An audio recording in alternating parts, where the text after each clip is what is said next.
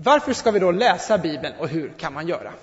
Det är ju en väldigt viktig fråga. Och som vi hörde tidigare, Bibeln är världens mest spridda bok. Och jag tror att förr i tiden, då var detta ett argument för att också läsa Bibeln. Idag är det inte det i Sverige. Men jag tror att förr i tiden, så, eftersom det var världens mest spridda bok, Sveriges konstitution och lagar byggde mycket på tio Guds bud och Bibeln, då var det också ett argument att man läste Bibeln regelbundet, kanske i skolan. Men genom olika förändringar så är det inte så längre. Och nu är det inte någonting förpliktigande. Bibeln är världens mest spridda bok. Det behöver inte betyda någonting för eh, dig och mig som bor just här i Sverige. Och sen så är det ju så här också att nu är det nya tider. Eh, det är ute med böcker. Det är inte så många som köper böcker längre, eh, trots att de sänkte bokmomsen, utan iPads, datorer, telefoner har helt klart en större åtgång och ett större användande. Om man står och väntar på bussen så är det inte så många längre som sitter och läser en bok. De flesta står istället med sin telefon. Så det kanske är helt enkelt ute med att överhuvudtaget prata om Bibeln som en bok. Vi kanske ska börja se på film istället, lite mer.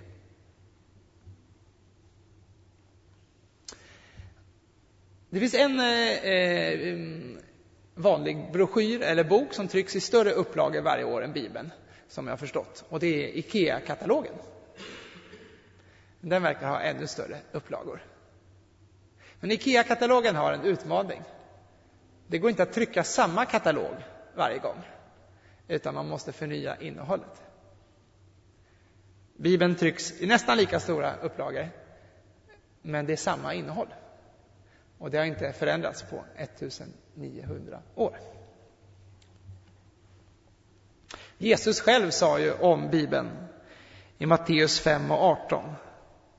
Sannerligen, innan himlen och jorden förgår skall inte en enda bokstav, inte minsta prick i lagen, alltså Guds ord i Gamla testamentet, förgå.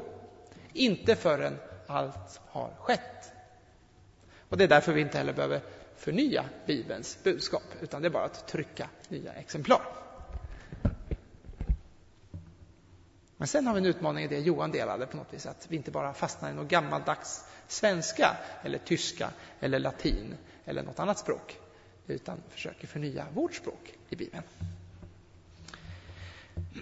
Och vad är då Bibeln full av? En del känner ju att Bibeln är full av legender. Det skulle jag säga att det är ett ganska vanligt svar. Lite som Harry Potter eller Sagan om ringen. C.S. Lewis, författare och professor från England, han skrev så här. En del förstår att man får betrakta berättelserna om Jesus som legender. En del föreslår att man får betrakta dem som legender. Men som litteraturhistoriker är jag fullständigt övertygad om att vad än evangelierna är, så är de inte legender. Jag har läst en hel del legender och är alldeles klar över att de inte är samma sak. De här berättelserna, alltså evangelierna, är inte konstnärliga nog för att vara legender. Skulle de vara fantasier är de klumpiga. De bygger inte upp spänningen på rätt sätt. Och det kanske många av oss känner, att man orkar kanske inte läsa hela evangeliet en hel kväll. Eh, precis som man skulle kunna göra med en väldigt, väldigt spännande bok. Så det hade varit roligt om det var ännu mer spänning i evangelierna än vad det är. Sen fortsätter han. Därtill är det mesta av Jesu liv helt okänt för oss, precis som vilken annan människas liv som levde på den tiden. Och inga människor som utformar en legend skulle låta det vara så. Exempelvis, vad hände när han var 9, 10, 11 år? Eller 17, 18, 19? Eller 28, 29? Det är ingen som vet. Bortsett från stycken i Platons dialoger känner jag inte till några samtal i den antika litteraturen som går upp mot det fjärde evangeliet. Mm. I vår tid är det också många som är intresserade av nyandlighet. I många tidigare kan man, tidningar kan man läsa horoskop och man kan spå sig själv. Men kan verkligen stjärnorna ge oss svar på livets viktigaste frågor? I Bibeln erbjuder oss istället Gud en möjlighet att få kontakt med honom som har skapat stjärnorna. Vi kan läsa från Andra Timoteusbrevet 3, 15-17. Och jag läser Levande Bibelns översättning. De heliga skrifterna förmår ge dig den kunskap du behöver för att bli räddad genom tron på Kristus Jesus. Hela skriften är inspirerad av Gud och det finns inget som kan mätas med den när det gäller att undervisa oss om vad som är sant och lära oss förstå vad som är orätt. Den korrigerar oss och hjälper oss att leva som Gud vill. Genom den blir var och en som vill tjäna Gud rustad till att göra gott mot andra. Men det innebär ju inte att Bibeln inte innehåller svåra saker. Till och med Petrus skriver ju att Paulus brev är svåra att förstå. Andra Petrus 3 och 16. Det finns moraliska och historiska frågetecken och sånt som verkar vara motsägelsefullt. En del av det kan förklaras med att Bibeln är skriven av över 40 författare under en tidsperiod av 1500 år. Och att de kom från skilda samhällsklasser. Kungar, poeter, fiskare, läkare. Både lärda och olärda människor. Och de skrev olika sorters texter. Vi har både poetiska, historiska, profetiska, apokalyptiska böcker samt evangelierna som kanske är lite som biografier. Och sen breven. När man ser på allt lidande och ondska i världen kan det vara svårt att ta till sig tanken om att Gud är god, att det finns en Gud med makt som är god. Men ändå är många övertygade om att Guds kärlek är aktiv i vår värld och i våra liv. Och även om vi inte direkt kan se lösningar på allting i Bibeln eh, vid en första genomläsning eller ens vid en tionde genomläsning så tror jag att det är viktigt att hålla fast vid att den är inspirerad av Gud. Och är den det så är det också viktigt att ge Bibeln inflytande i våra liv. Vi ska se på tre goda skäl varför vi bör läsa Bibeln eller varför det är gott att göra det. Det första är att Bibeln lär oss goda relationer. Bibeln ger oss bra vägledning för hur vi ska vara mot varandra. Det mest kända är väl den gyllene regeln, behandla andra som du själv vill bli behandlad. Till och med Barack Obama hänvisade till den. Men han ändrade den lite, så han sa behandla andra som du själv blir behandlad. Och det var lite värre tolkning, eller hur? Men jag tror att han tänkte anknyta till den. För blir man dåligt behandlad, då ska man ju behandla andra dåliga utifrån Barack Obamas tolkning. Men väldigt många försöker knyta an till Bibelns goda levnadsregler. Och Jesu ord om att vända andra kinden till när någon slår dig, det är någonting som många populärt anknyter till. Att osjälviskt ge utan att förvänta sig att få något tillbaka. Det är också något som skapar goda relationer. Och så säger Jesus att han ska ge oss en kraftfull hjälpare som ska vara med oss. Och då står det att den här hjälparen, den helige Ande, ger oss Andens frukter. Och på något vis är det ju ett tecken på vad Gud ger, hur Gud hjälper oss att få goda relationer. Och då ger han i Galaterbrevet 5.22 står det Andens frukter som är kärlek, glädje, frid, tålamod, vänlighet, godhet, trofasthet, ödmjukhet och självbehärskning. Och för min egen del så tycker jag att Bibeln har varit en väldigt god hjälp i hur jag ska förhålla mig i mina nära relationer och i de mer ytliga relationerna också. Sen kommer ett citat från Göran Skytte. Eh, ni som är äldre känner till honom bättre eftersom han var mycket på tv tidigare. Eh, och han har gjort många dokumentärfilmer på senare år när det här med Jesus och Bibeln har blivit viktigt för honom. Och han säger så här. Bibeln påverkar oss alla. Den är en outtömlig källa och har ett innehåll som aldrig tar slut. Den är i alla avseenden den viktigaste bok som någonsin skrivits. Jag läser Bibeln varje dag och jag har med mig den överallt. Jag tycker att man ska läsa Bibeln för att den påverkar en och för att det är en bok som på ett speciellt sätt kommer till en. Den andra punkten varför det kan vara gott att läsa Bibeln är att Bibeln ger oss goda regler. Då ska jag försöka med en bild här. Om man precis köpt en ny Porsche. Min kusin gjorde det en gång. Den hade kostat 900 000, en Porsche 911. Han var väldigt glad och tog med den på släktträffen så att alla skulle se att han var framgångsrik och lycklig. Eh, även hans bror gjorde likadant, så de kom i varsin ny Porsche. Men tänk dig att du har köpt en Porsche och du tar med den till Sandstranden för att dina vänner också ska se hur glad och lycklig du är. Och då kommer motorn att fungera. Det är trevligt att sitta i Porschen. Den är glansig. Men det är väldigt svårt att köra den på sandstranden. Annars kanske du är en sån som gillar traktorer och har köpt en ny traktor. Och den tar du ut på motorvägen för att se andra ska se hur stark motor du har. Men inte heller då kommer du kunna imponera på dem. För att den är inte stark på att köra fort, utan på att dra tunga lyft. Men byter vi lite omständigheter så att eh, Porschen får vara på motorvägen och traktorn får vara på åken. Då kommer fordonen att blomstra och du kommer känna dig nöjd med ditt nya fordon. Och så kan det också på ett sätt vara med oss människor. Vi tänkte att vara Guds avbilder. Och vi tänkte att på att fungera på bästa sätt, att leva eh, på ett sätt som får oss att blomstra. Och tidigare i Sverige såg man ett tydligt samband i detta liv eh, och att blomstra kopplat till Bibeln. Man stiftade lagar som på något vis byggde på exempelvis tio Guds bud. Och när FN bildades tog man det här om alla människors lika värde utifrån Jesu undervisning väldigt tydligt. Nya testamentet säger nu är ingen längre jude eller grek, slav eller fri, man eller kvinna. Alla är ni ett i Kristus Jesus. Och låter vi Jesu undervisning få påverka oss och leda oss så skapar det goda regler runt våra liv. Exempelvis så får det konsekvenser på att vi vill försöka förlåta varandra, försöka vara givmilda, eh, att det är bättre att skaffa ett jobb än att försöka undvika jobbet. Eh, såväl hemma som på en arbetsplats eller i församlingen. Det finns också praktisk undervisning om familjeliv, om barnuppfostran och hur vi ska ta hand om våra äldre.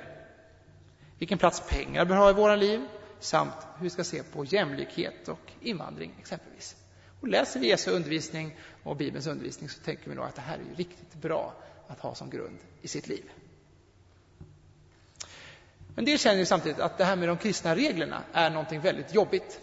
Man kanske inte vill ha en sån här regelbok som ändå finns. Och då ska vi titta på ett exempel till där vi kan tänka till det runt här. Tänk att ni är avsläppta i en stor djungel i Amazonas. Det här är ju främmande miljö för de flesta. Det är nog en skrämmande situation. Ni släpps där med ögonbindel. Eh, och så hör ni en röst innan ni tar undan eh, av ögonbindeln. Nu får du gå åt vilket håll du vill. Nu är du fri att ta av dig ögonbindeln och ha en trevlig dag. Och sen åker helikoptern iväg och du är ensam bland krokodilerna. Eh, eller vad det nu kan tänkas finnas. Det ser väldigt trevligt när du tittar dig omkring i första anblicken. Och så tänker vi oss likadant, att du blir avsläppt på samma sätt i djungeln. Men du får med dig en karta i handen som visar var du är, varifrån du kommer och vart målet är samt vilka stigar som leder fram till målet. Kanske har du också turen att få med dig en machete så du kan hugga dig iväg eller slåss mot eventuella krokodiler. Det här handlar om frihet, båda sakerna. Jag tror att många skulle känna att det var frihet att vara ensam i en djungel. Frihet från mycket som möter oss i vardagen. Men frihet kan också binda oss på olika sätt. Exemplet med Bibeln är ju mer som det andra exemplet. Då, då. Att vi får en karta, att det finns en beskrivning av vårt ursprung och vad vi är tänkta för. Och sen så finns också tanken att vi får vara utrustade med Guds ord som beskrivs som ett svärd, alltså en machete. Det finns ett uttryck, den som läser Guds ord blir bekant med Guds vilja. Och för min egen del så tycker jag att Bibeln har påverkat mig att kunna förlåta andra människor som sårat mig eftersom jag fått uppleva Guds förlåtelse och fått tro den på riktigt genom Guds löften i Bibeln. Jag tycker också att Bibeln har gett mig en stark eh, grund intellektuellt för att tänka runt livet och runt Gud och för att kunna fatta bra beslut. Och söker man vägledning när man ska läsa Bibeln så finns det ett litet tips jag vill skicka med. Och det är att man kan gå in på bibeln.se. Det tycker jag är väldigt bra om man är på internet. Och annars finns det ju appar som fungerar likadant. Och där kan man söka på bibelord och söka på intressanta ämnen. Och få väldigt direkt ledning. Ofta funderar vi på vad säger egentligen Bibeln om det här viktiga? Men vi hittar så pass dåligt i Bibeln så att vi kommer aldrig längre än den funderingen. Men i ett sådant sökverktyg kan man exempelvis skriva eh, något sökord och få väldigt bra träffar. Och det tredje då som eh, eh, Bibeln gör med oss när vi läser den, förutom då att vi kan lära oss goda relationer och vilka regler som Gud tänker oss som kan vara bra för oss, då är att Bibeln kommer med de goda nyheterna. Det kanske är det allra viktigaste. Bibeln innehåller det glada budskapet om Jesus Kristus. Och den brukar beskrivas som Guds kärleksbudskap till alla människor. Martin Luther han betytt ju mycket för kyrkan här i Sverige och han säger så här. Skriften är en vagga som Jesusbarnet ligger i. Låt oss inte inspektera vaggan så noggrant att vi glömmer att tillbe barnet. tycker jag var bra citat. 500 år sedan. Och vi kan ju tala med Gud när vi ber och vi vet att Gud kan tala till oss när vi ber. Men det tydligaste sättet Gud talar är faktiskt genom Bibeln. Och det är därför också Bibeln brukar kallas för Guds ord, just för att Gud talar där. Så när vi funderar på vad Guds vilja är eller vad han vill säga till oss, då är det ett väldigt bra tips att läsa i Bibeln. Och jag tycker ofta att jag har läst Bibeln så här, och eftersom den inte varit så spännande som C.S. Lewis skrev, ganska långtråkig ofta, eh, rent eh, så här spänningsmässigt. Men fast man läser kanske bara ett väldigt kort stycke så tycker jag att det alltid brukar komma ofta något bibelord som talar väldigt starkt och utmanar mig. Jag tror att det är på ett sådant sätt som Gud verkar ofta, att han visar sin vilja, Guds ord. Så genom att läsa korta stycken i Bibeln, eller längre stycken, så kan vi också höra Gud tala in i våra liv. Det som, liksom, som en enskild mening betyder något och utmanar mig. Och Marcus Birro, en modern kille som har en eh, Eh, krönika Expressen, eller så kallad, vad heter det, ah, iPod, poddradio kanske heter. poddradio. Eh, han skriver blogg och brukar vara på tv och sådär. Han är lite som Göran Skytte. För tio år sedan så, om man går in på Wikipedia och söker på alla hans böcker, han har givit ut alla, det var jättemycket grejer, så är det ingenting om Jesus i de första kanske 15 titlarna. Och sen de två sista böckerna, den första är utgiven på Libris, som är alltså din bok, kristen eh, förlag här i Örebro, och den andra är utgiven på Livets Ord. Så det är en väldig utveckling där, liksom. Eh, att på något vis den kristna tron plötsligt blivit viktig för honom. Och han bloggar ofta, tycker jag, intressanta grejer. Han skriver så här. Så fort jag är ute längre än ett dygn brukar jag ta med mig Bibeln. Det innebär inte att jag alltid läser i den, även om det blir oftare och oftare. Bibeln har en lång historia eh, i mitt liv. Och så berättar han att den 23 december 1986, när han var 14 år, och gideoniterna kom till skolan och delade ut eh, små Nya Testamenten, så blev det viktigt för honom. Och sen så skrev han sen under en egen trosbekännelse i en sån bibel. Ni vet att om det på första eller sista sidan så står det om hur man själv kan bli ett Guds barn och få bli förlåten av Jesus Kristus. Och under många år som ungdomsledare har jag upplevt just det här. Att vågar vi sätta vårt hopp till bibelord och dela det kanske i en andakt eller i ett samtal, då kan det också vara så att någon annan får se mitt hopp och min förtröstan på just eh, Guds ord. Och då kan det bli en fast grund för en annan människa. Det ligger stor kraft i Guds ord. Det står så här i Hebreerbrevet 4 och 12. Hebreerbrevet 4 och 12.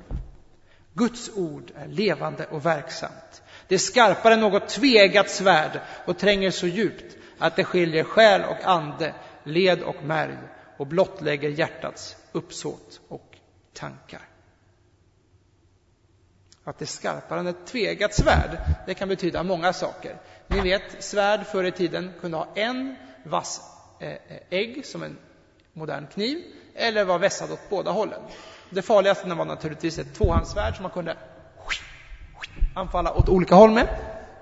Men jag tror också att här betyder det nog inte bara det, att på samma sätt så tror jag att det kan vara en tvegad betydelse när vi använder Guds ord. Om vi säger så här någonting om Jesus till en annan människa, så träffar det dels vår vän i hjärtat, men så träffar det mig i hjärtat också.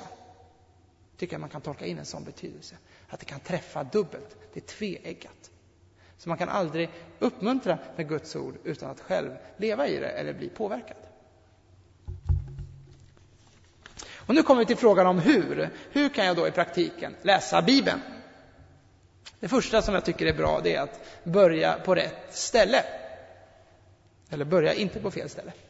De flesta som börjar, börjar ju med första Mosebok. Det är det klassiska. Jag minns när min kusin hade konfirmerat sig så hade han eh, tyvärr inte haft någon bra konfirmation och eh, det var också ett sammanhang som eh, jag inte skulle beskriva som särskilt kristet. Det var en så kallad religionsblandningssammanhang. Eh, så han hade fått lite konstig undervisning, men han hade ändå på något vis fått en bibel.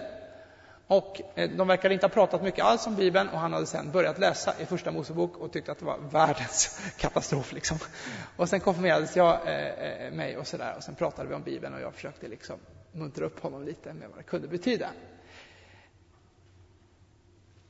Så ett tips är att börja på ett ställe som är lättare att ta till sig. Med Jesu liv tycker jag alltid är ett bra tips att börja evangelierna. Och sen kan man belysa det med Gamla Testamentet. Så när man läser mer Bibeln så är det också bra att läsa i gamla skrifter som kan vara svåra att förstå. För då förstår vi bättre det som Jesus har gjort för oss. Och sen så att göra bibelläsningen till en vana. Och det tycker jag själv är den svåraste punkten. Och det var ingen som berättade om det idag, men berätta gärna om det i smågrupperna.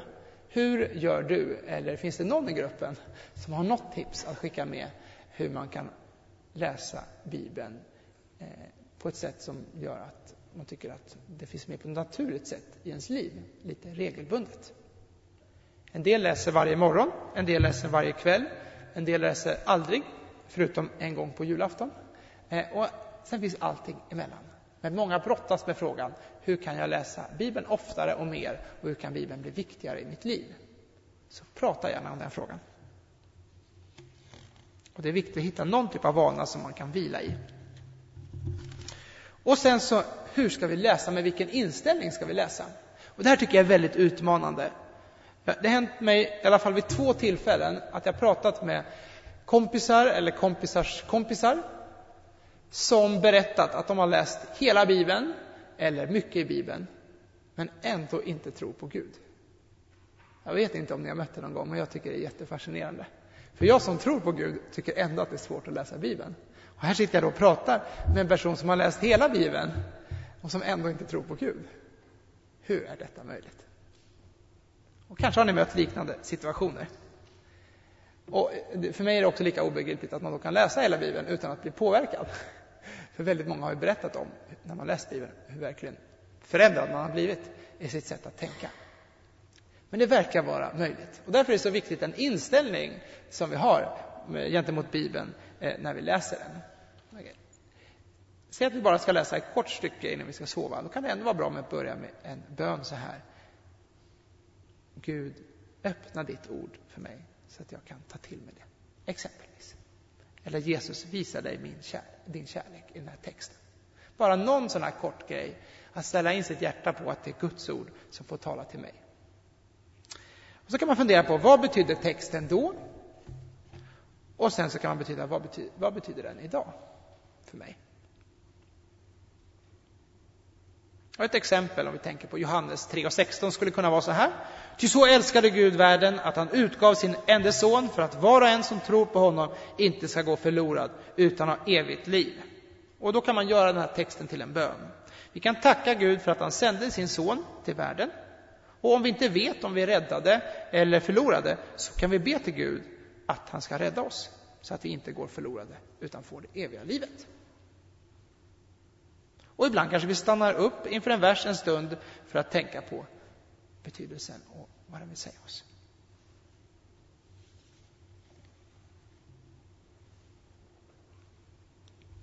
Och nu kommer avslutningen.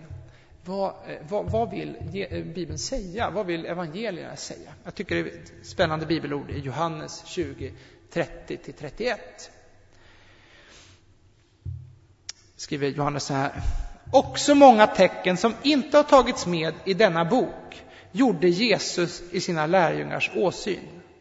Men dessa har upptecknats för att ni ska tro att Jesus är Messias, Guds son, och för att ni genom att tro ska ha liv i hans namn.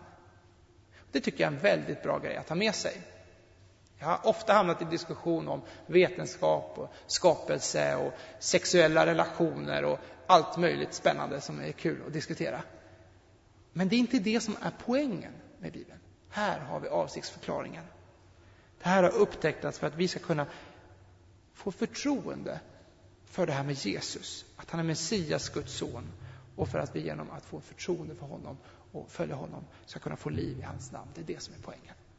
Det kallas för att läsa Bibeln i frälsningsavsikt, i avsikt att bli räddad av Gud, att han ska bli viktigare i våra liv. Och det tror jag det är väldigt viktigt för oss att ha den avsikten.